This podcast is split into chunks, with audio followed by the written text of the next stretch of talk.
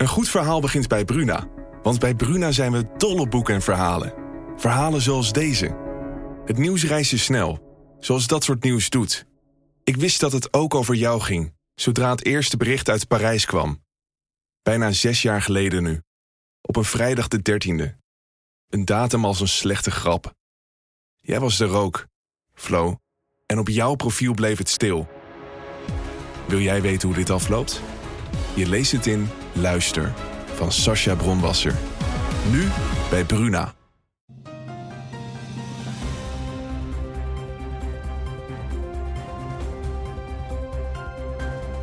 Dit is de Telegraaf podcast.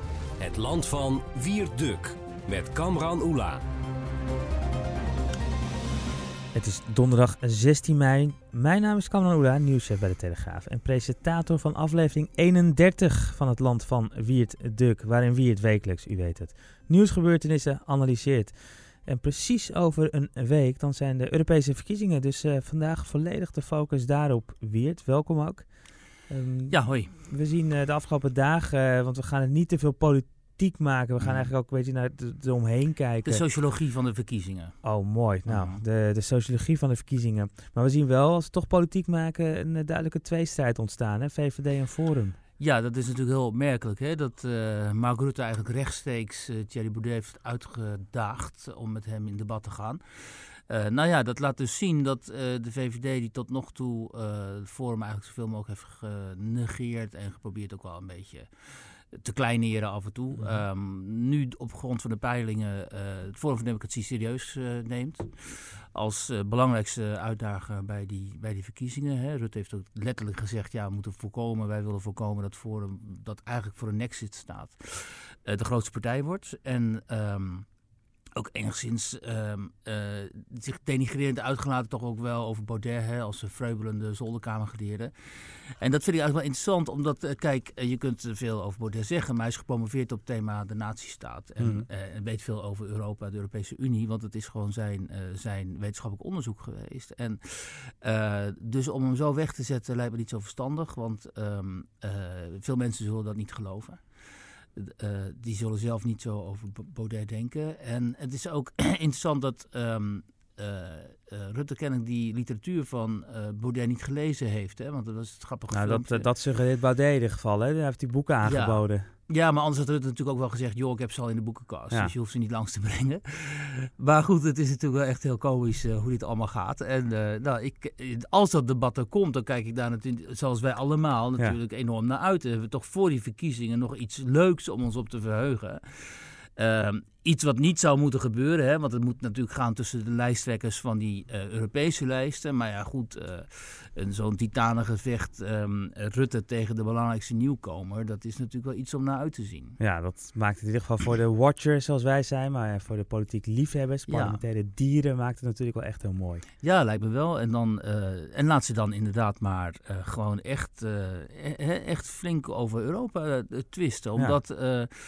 Of over de Europese Unie dan, hè? want we mogen Europa en de Europese Unie niet uh, verwarren, want dan krijgen we kritiek van, van alle kanten. Maar omdat dat toch een heel erg belangrijk uh, thema is, en omdat daar, en daar heeft Rutte groot gelijk ja. in, uh, daar staan echt twee wereldbeelden tegenover elkaar. Ja. En um, een nexit, hè, zoals Baudet tot nog toe heeft gewild, en hij heeft zich daar enigszins wat teruggetrokken van die positie, maar uiteindelijk is dat toch zijn, zijn doel. Um, zal ingrijpende consequenties hebben voor, uh, voor Nederland. Dus ja. het, het, zou heel goed zijn om de kiezers voorafgaande aan uh, donderdag 23 mei nog even duidelijk te maken wat, wat die positie dan precies uh, behelst en wat eventueel een nexit voor gevolgen zou kunnen hebben. En ik wil ook wel eens van Rutte horen, hè, in plaats van al die, die, die, die platitudes die we nu in die campagnes te horen krijgen, wat hij concreet denkt nog te kunnen hervormen en veranderen aan die Europese Unie die toch hè, in de ogen van heel veel mensen onhervormbaar is geworden. En uh,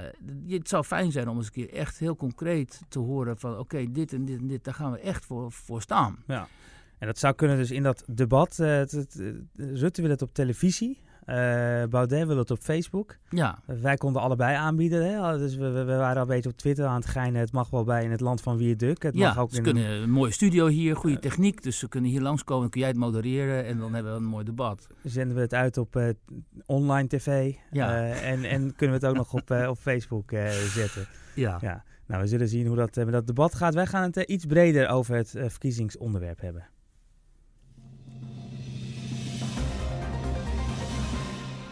Ja, want we zien in Europa allerlei nieuwe, uh, eigenlijk, nieuwe samenwerkingen mhm. ontstaan. Het zijn natuurlijk de eerste verkiezingen naar de gele hesjes voor Macron. Mhm. Uh, en die lijkt nu te gaan samenwerken met de liberalen, dus met, uh, met de VVD onder Mhm. andere. en D66. we, hebben, we hadden een grote christen-democratische partij, de EVP. De Hongaren, Orbán zat Ja, daarbij, maar die die, zijn eh, geschorst. die zijn eh, geschorst. Ja, Eh, en die leveren heel veel eh, zetels. ja. En ondertussen hebben we natuurlijk ook nog, laten we daar anders even mee beginnen, die nationalistische Europese samenwerking. Ja. Klinkt al een beetje tegenstrijdig, maar die is er. Hè? Wilders die samenwerkt met een aantal andere partijen.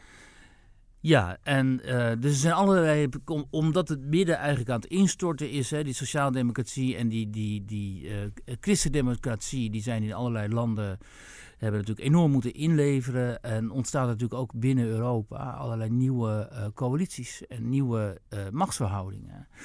Ehm, en eh, wat eigenlijk interessant is, wat mislukt is, is dat, ehm, dat project van Steve Bannon, die, ehm, die voormalig adviseur van, eh, van eh, Donald Trump, die naar Europa was gekomen om hier zeg maar, die rechtspopulistische partijen aan elkaar te binden en dan een soort, een soort project voor, een soort Trump-achtig project voor Europa samen te stellen. Er stond ehm, eh, in de NRC deze week een interessant stuk over, dat- over een klooster waar dit soort mensen die dan zeg maar het kader moet, zouden moeten gaan vormen van dit project, waar die zouden moeten worden opgeleid.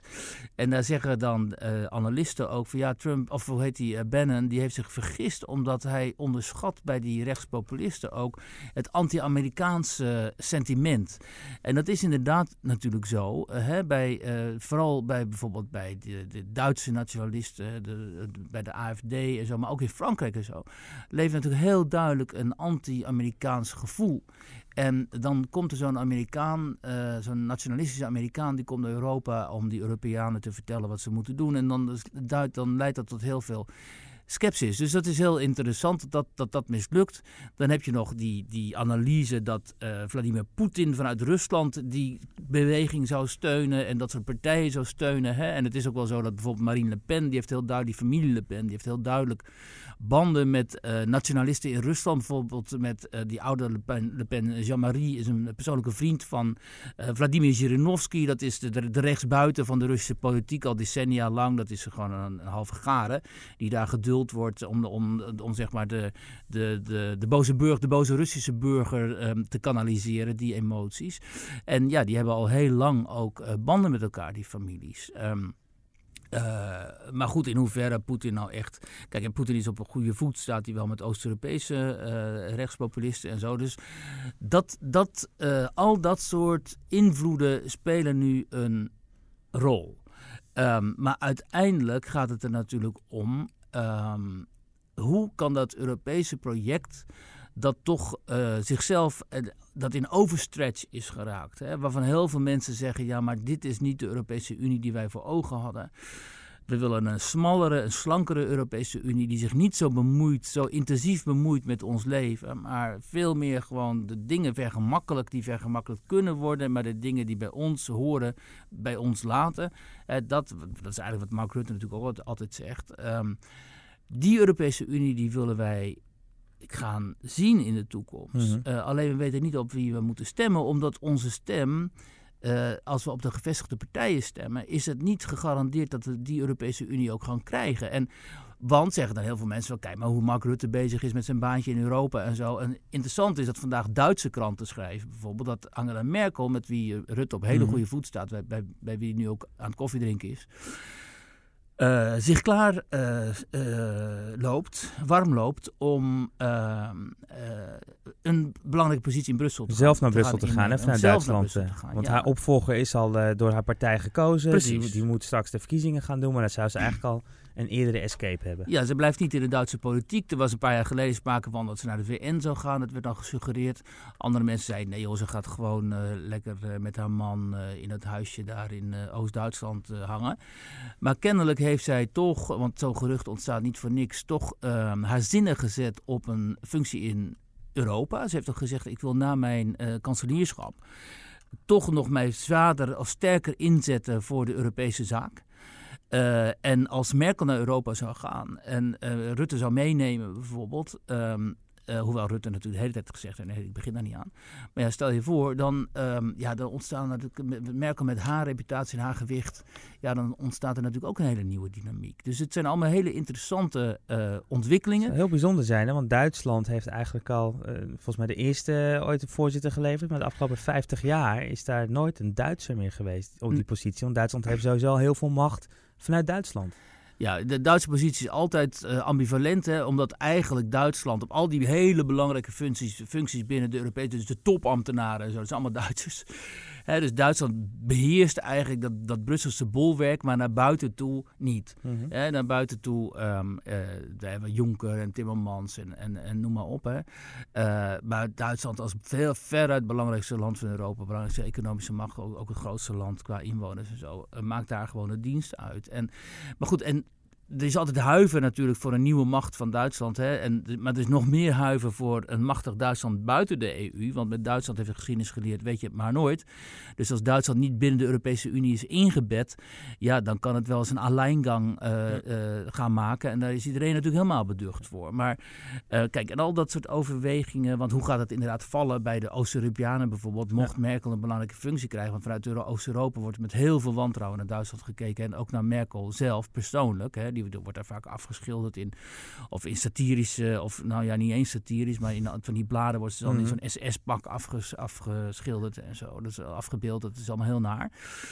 Um, maar als we even teruggaan naar die naar waar, je, waar, we net begonnen met dat met Bannon, die ja. geprobeerd heeft om een beweging in Europa te krijgen. Die wilde die vanuit Italië ook starten. Uh -huh. uh, nou, dat lijkt niet uh, gelukt. Nu is het wel opvallend dat juist in Italië er komend weekend een bijeenkomst is waar Geert Wilders weer naartoe gaat. En ja. dat, is die, dat is die partij die met elkaar samenwerkt, waar ook die Salvini vanuit Italië ja, bij zit. Waar Forum voor Democratie dan weer niet bij zit. Hè? Ja, want, hoe, hoe zit dat? Hoe moet ik zo'n partij duiden? Het zijn natuurlijk allemaal nationalistische partijen in eerste, in eerste aanleg. Nou ja, die zijn uiteindelijk natuurlijk uit op een ondermijning van de Europese Unie. Dus ze zitten in dat parlement eigenlijk om die Europese Unie af te schaffen. Net zoals die uh, UKIP daar zat. Hè? Um, maar waar dus, gaat Baudet zich dan bij aansluiten? Want die heeft mogelijk straks vijf zetels uh, als we de peilingen mogen geloven. Nou ja, rond Baudet is dat ook weer een hele interessante kwestie. Omdat zij, zij zich willen aansluiten bij die, bij die groep waar ook de ChristenUnie SGP bij zit. En de, maar de Christen, ik zat van de week uh, bij een uh, tv-programma met de, de, de, de lijsttrekker van SGP. Van Dalen. Precies, SGP ChristenUnie Van Dalen. Samen ook met Kees van der Staaij, die dus weer de politieke basis van de SGP. En die, die hebben onderling een soort van meningsverschil over uh, of zij nu uh, uh, Forum voor Democratie moeten weren uit die groep of niet. Want Van Dalen die wil niet met Forum voor Democratie samenwerken. Hij wil niet met hen in één groep zitten.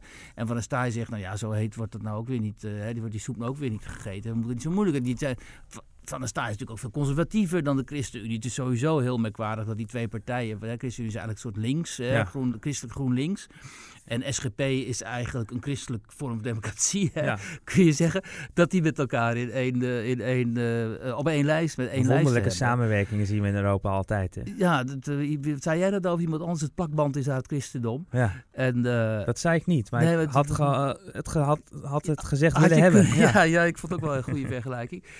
nou ja, en dat soort, kijk, en dat is natuurlijk ook het punt. Um, je hebt daar in die groepen in dat parlement allerlei, allerlei mensen die heel verschillend denken. Zoals dat de VVD bij het ALDE van Guy Verhofstadt. En mm. Guy Verhofstadt is een eurofiel. Heel veel mensen kennen die filmpjes waarop hij zich uitlaat over... Waar, nou ja, uitlaat, dan staat hij te razen en te tieren uh, tegen de, de eurosceptici en zo. En, en het is sowieso heel merkwaardig dat mensen als Rutte met zo'n Verhofstadt...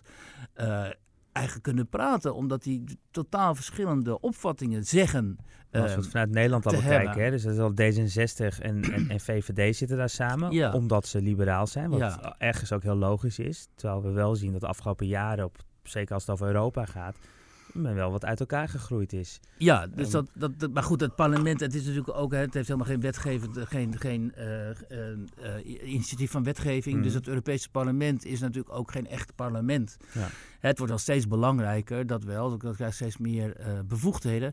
Maar het is niet een parlement zoals net mensen in, in- wij dat hier kennen of zoals men het in, in Duitsland en elders kent. Ehm, het interessante is wel, vind ik, kijk, wij zitten hier nu al een tien minuten of zo over te praten, terwijl het leeft dus totaal niet Nee, bij de burgers. Als ik met mensen spreek in het land, dan eh, weten zij vaak niet dat die verkiezingen zijn. Ze weten niet precies waar ze over gaan. En het interesseert ze niet. Ehm, en, de, en dus in al die decennia dat we nu al stemmen voor het Europese parlement, is men er nog altijd niet in geslaagd om de burgers warm te laten lopen ervoor, voor die verkiezingen. Terwijl Nederlanders in het verleden zich heel duidelijk hebben uitgesproken over eh, Europa. Hè. Ze wilden bijvoorbeeld niet die grondwet destijds, die hebben ze afgewezen, hebben vervolgens toch door, door de strot gekregen, gedrukt gekregen. Dus ze hebben als erop aankomt wel een duidelijke opvatting over hoe zij Europa zien of de Europese Unie zien. Alleen voor dit parlement eh, slaagt men er maar niet, maar, er maar niet in om, ehm, om enthousiasme te wekken. En dat is eigenlijk wel vreemd, omdat zoals je herinnert eh, eh, destijds dat referendum over Oekraïne, van, wat, dat was Mhm. georganiseerd door Geen Pijl en het Burgerforum heette ze, meen ik. Dat haalde wel een, een zekere. Zeker, dat, dat ontlokte wel een zeker enthousiasme bij mensen. En hè, er zijn toen heel, veel- heel veel politici al die zaaltjes ingegaan, herinner ik mij ook vanuit de Tweede Kamer. Om dan te pleiten voor of tegen dat, dat, eh, dat associatieverdrag met Oekraïne. Dus het kan wel. Maar ehm, hoe Frans Timmermans ook zijn best doet in allerlei filmpjes, eh, omringd door allerlei jongeren met bordjes met het opschrift I'm a feminist en dat soort dingen. Om, om, om, hè, om het volk eh, te, te, om zich te verbinden met het volk, eh, het lukt maar niet. En ja, dat zegt toch waarschijnlijk ook wel heel veel over de band die mensen voelen. Hè? De identiteit van mensen ook. Mensen voelen zich niet... Ze zijn wel Europeaan, maar ze voelen zich niet, niet Europeaan. zien we ook met de opkomstcijfers. Hè. Ik eh, ben het, dat is Ja. een luxe dat als je aan het praten bent, kan, ik, wat, eh, kan ik wat opzoeken. Eh, maar ik heb het even snel opgezocht. Eh Oekraïne referendum 32% Bij de vorige Europese verkiezingen 37,3% Ja, hier Maar- is het scheelt niet eens En zoveel. eh, in 99, nu 20 jaar geleden, historisch dieptepunt, 30% Ja, dat is dus heel ernstig. Hè, voor, Mhm. eh, want vanuit Europa worden toch wel heel veel zaken gewoon besloten. En eh, dan, eh, ja, dit is dus een de, echt een democratisch deficit. Ehm, en het is heel goed dat er partijen komen, partijen zijn die daarop wijzen en die zeggen, ja, dit, dit, dit, dit kan natuurlijk niet op deze manier, omdat dit parlement heeft eigenlijk niet een democratisch mandaat. Nee. Ehm, eh, dus ik zou, hè, we kunnen hierbij de gelegenheid nog even gebruiken om mensen op te roepen, ga toch stemmen, want je hebt Ja. de keuze genoeg. Je kunt, kunt tegenwoordig zelf stemmen voor een partij, hè, partijen die een Nexit eh voorstaan. Ja. En je kunt voor hele eurofiele partijen stemmen. Dus de keuze heb je heus wel hoor. Ja, ik kreeg zelfs, ik heb die, eh, die stemwijzer eh, ingevuld. Ik weet helemaal niet of ik dit eh, moet zeggen. Dan kreeg Jezus leeft Ik kreeg. Jezus leeft Ja, maar dat krijgt iedereen. Ja, want die hebben, ik weet niet wat, hoe die dat hebben ingevuld. Maar ja, of Jezus weet heel goed eh, op wie je moet stemmen. Maar dat, ik weet niet hoe ze dat hebben ingevuld. Maar iedereen die krijgt dat in de top 3 geloof ik. dat is eh. echt bizar. ja, Jezus leeft op 1, 2 en 3. ja, dus dat is een, eh, in ieder geval een eh, politieke partij die verstand van data heeft, als we het moeten geloven. En, we hadden net al even over Duitsland. Je Ja. hebt natuurlijk een tijd in Duitsland gezeten. Is, is, is het daar anders? Leven daar deze verkiezingen meer dan bij ons? Nou, in Duitsland leven misschien die verkiezingen niet meer dan bij ons, maar Europa en de EU eh, leeft daar wel veel meer. En het is een soort, ehm, het is een soort Duitse, eh, Duitse ehm, staat van zijn om pro-Europees te zijn, dus pro-Europa te zijn. Dat heeft natuurlijk alles te maken met eh, het verleden. Hè, de- heel veel Duitsers, misschien wel een meerderheid eigenlijk, die zouden eigenlijk liefst ehm, in de eerste plaats Europeaan zijn en dan Duitser, zodat ze de schande van het verleden, die oorlog en de holocaust, eh, niet langer met zich zouden mee hoeven te dragen, althans dat heel ver eh, achter zich kunnen laten. Dus ehm, als je uit Nederland komt en je bent gewend dat hier in Nederland een soort van gezonde euroskepsis heerst en zo, en dat je die ook gewoon kunt uitspreken, dan is dat als je in Duitsland bent heel anders Omdat je eigenlijk daar al heel snel, als je kritisch bent op Brussel en op de EU en zegt, ja, die hele EU, waarom zou het eigenlijk moeten? Dan word je echt raar aangekeken en dan denken mensen, ja, ben je gek geworden of ben je een soort van uh, rechts, rechts extremist en zo. Dus het is daar veel lastiger om, uh, om dat eurosceptische standpunt uh, over het voetlicht te krijgen. Um, en dat is dus ook voor de rest van Europa een uh, probleem. Omdat de Duitsers die willen eigenlijk, dat onderschatten veel mensen vaak, willen eigenlijk niks liever dan opgaan in Europa. als, uh, als er een, een, federale unie zou zijn, of een federaal Europa zou zijn, dus een politieke unie. Uh, en we horen dan in de eerste plaats de Europese hymne als volkslied en niet meer um, um, het Duitse volkslied. Dan zullen ze zich gewoon veel beter mm. voelen. Dan denken ze eindelijk is die last van het verleden weg en we zijn nu allemaal Europeanen en we zijn nu allemaal hetzelfde.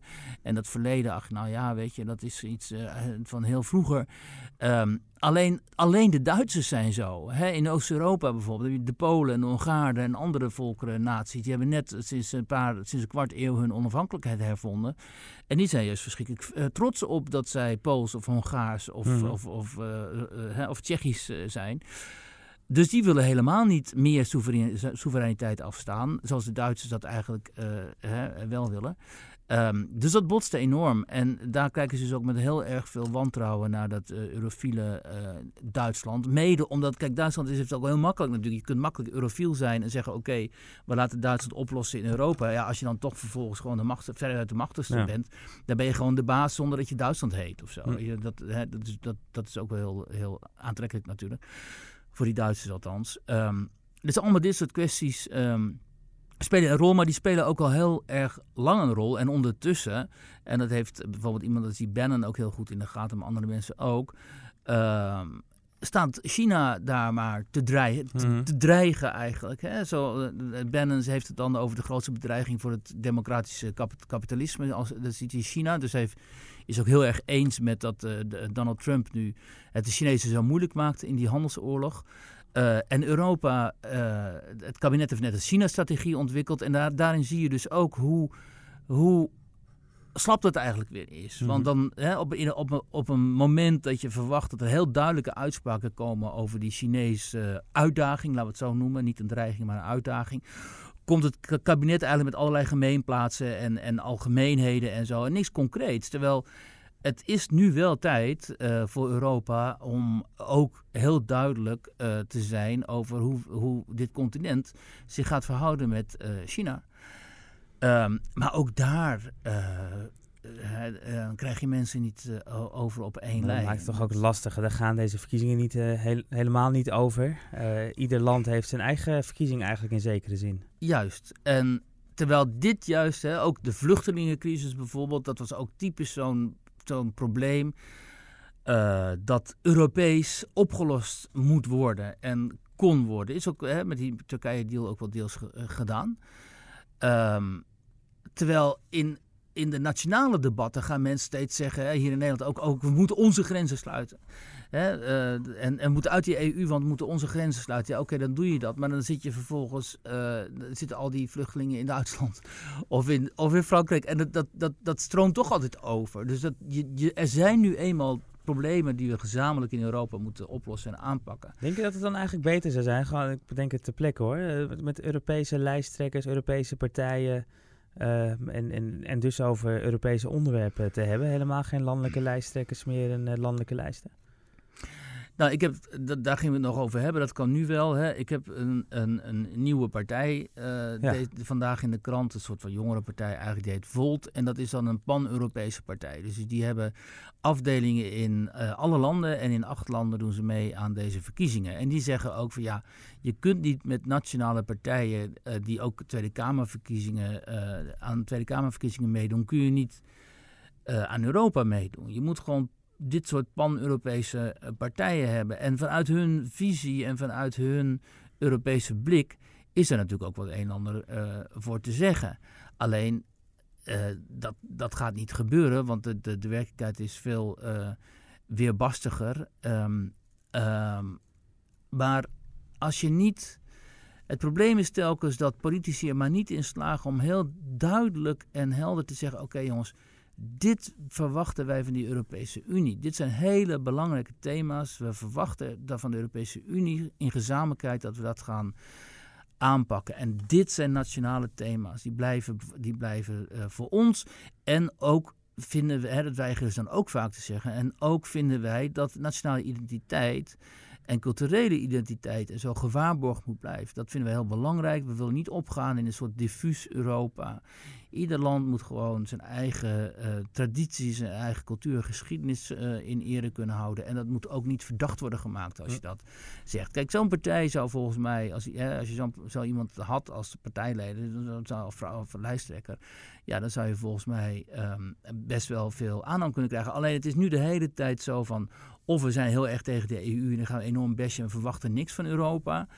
Uh, of van Brussel. Of um, we zijn heel erg um, eigenlijk ook, hè, zoals Mark Rutte en uh, laatst nog Wopke Hoekstra, die minister van het CDA. We, zijn, we voegen ons eigenlijk helemaal in het eurofiele project. Mm. En die middenposities, die toch heel duidelijk en makkelijk te formuleren zouden kunnen zijn, die, die hoor ik niet. Of nou, ja, die hoor je dan bij de, misschien bij de SGP of zo, weet je wel. Ja. Maar niet bij die middenpartijen. En um, ja, dat, dat, en daarin falen ze in mijn, hm. in mijn ogen. Nu hebben we al die, die, die samenwerkingsverbanden op Europees niveau, een soort spitsenkandidaat. Ja. Uh, het, is ook wel gek dat dat eigenlijk een Duitse woord is. Uh, ja, spitsenkandidaat. Uh, dat, dus per partij. En ja. Frans Timmermans is dat dus voor de Sociaaldemocraten. Ja. En die gaat in, in Duitsland hebben ze vanavond volgens mij een tv-debat tussen Manfred Weber van de Christendemocraten ja. en, en dan Frans Timmermans, die ongetwijfeld in het Duits in heel, heel goed, goed Duits, kan debatteren. Ja, maar, maar, dat soort debatten zien we natuurlijk in Nederland helemaal niet. Nee, omdat uh, we hebben hier natuurlijk wel een lijsttrekkersdebat gehad. Hè, mm. Waar Timmermans als lijsttrekker van de Partij van de Arbeid ook aan meedeed. Uh, maar, maar daar zie je in Duitsland gaat dan inderdaad niveau verder. Dan gaan ze dus echt op dat niveau van Europa. Uh, met elkaar in debat. En ja, en die, kijk, Timmermans heeft niet zoveel kans natuurlijk maar om, om uiteindelijk dit te winnen. Dus, dat, uh, dus, dus uh, hoewel hij wel, kan je moet hem wel nageven, hij heeft natuurlijk wel gewoon echt de afgelopen weken behoorlijk campagne ja, ja. Met behoud van salaris trouwens. Dat was nog ja. net voor die tijd dat hij dat, weet het zo. Had hij geregeld, hè? Had hij geregeld dat hij zijn salaris ook tijdens campagnes gewoon kon, uh, op volle sterkte kon behouden. Um, maar ja, hij was op pad. En uh, in een nieuwe tenue en een beetje een nieuwe outfit. En wat, ja. uh, wat uh, fitter dan... Kilo's dus kwijt. Ja, een aantal kilo's kwijt en zo. Dus het is wel een politiek dier natuurlijk. Ja. Dat zie je wel aan alles. Um, maar ja, we zullen het zien. Maar het had natuurlijk eigenlijk ook gewoon zo gekund, hè? Gewoon een half uur voor, de, voor het Eurovisie Songfestival een half uur in, hetzelfde, in diezelfde zaal met, uh, met vijf uh, of zes lijsttrekkers. Ja, in Tel Aviv. Uh, ja, nou, oké, okay, ja, dat, is wel ongelukkig met jaar. Maar... Mag Israël ook meedoen? ja, nou maar oké, okay, dan ergens ja. in Europa toch zo ja. gekund. Want dat is de Europese publieke omroep, gewoon een Europees publiek debat. Ja, maar vergeet niet, um, ik weet niet precies wat daar, wat daar de reden voor is. Maar als je, als je ziet hoe er wordt omgegaan door die partijen met met uh, internet, social media en al die dingen. Hè? Um, bijvoorbeeld het feit dat Mark Rutte nu heeft gezegd: ik wil wel met Baudet in uh, debat, maar alleen op de tv. Terwijl Baudet heeft gezegd, ik wil wel, maar dan via Facebook of via internet. Hè. Dat, dat, dat, uh, wat ik wil zeggen is, de gevestigde partijen gaan nog zo slecht met dat internet om. Ja. En ook met social media en zo. Ja. Als je bijvoorbeeld het verschil ziet, een heel leuk verschil. Uh, Ajax heeft dus een super uh, Twitter-account ja. bijvoorbeeld. Hè. Daar zitten een paar hele slimme jongens en die doen het echt fantastisch. Goede mm -hmm. filmpjes. En dus en dat is een beetje een gerucht ook geworden. Het Twitter-account van Ajax is geweldig. Ja het Forum voor Democratie heeft die Tweede Kamerverkiezingen destijds zo goed gedaan, omdat ze zich helemaal op social media hadden gericht. Ook, hè. Ze waren op die forums actief, op Facebook en op Twitter. En mensen die dat zagen, die hadden al in de gaten, wow, is heel veel activiteit daar rond het forum. Dus dat kon wel eens wat worden. Werd totaal gemist door de gevestigde media en de gevestigde, gevestigde politiek, want die kijken naar de NPO. Ja. En die zagen dat forum helemaal Nou, overigens, en, de VVD is hè, ook al jaren heel actief op uh, sociale media. Dat moet net gewoon wel gezegd, want uh, Rutte is ook de eerste geweest die met Facebook live sessies begon. Ja, klopt. Hij heeft toen die, die, maar daar is hij ook wel weer van afgestapt. Nee, dat doen ze volgens mij. Uh, doen ze dat alleen dat het. Maar, ja, maar los daarvan. Nee, maar wat mij, ik wilde uh, zeggen is, um, uh, wat je nu het VVD-account ziet doen bijvoorbeeld, dat is ook heel grappig. Um, en wat, je hebt gelijk, VVD was ook actief hoor. Um, maar Maar de websites zijn vaak slecht van de partijen. Mhm. En wat je nu het VVD-account ziet doen, is dat ze enorm eh, veel vorm van democratie gaan bashen. Een Ja. soort van, wij zijn eigenlijk jonge honden en we gaan enorm op Thierry Baudet in- inhakken en zo. Maar dat slaat helemaal niet aan, omdat mensen zijn dit niet gewend van de VVD. Die willen gewoon de VVD zien als een keurige liberale partij voor keurige burgers die zich een beetje fatsoenlijk moet gedragen, ook op social, social media. En dat, dat doet de VVD dan opeens niet. En dan, dan, dan is het net alsof eh, mensen denken, hè, eh, is het account gehackt of zo? Mhm. Dus dat ligt ook helemaal allemaal heel, ehm, heel eh, subtiel.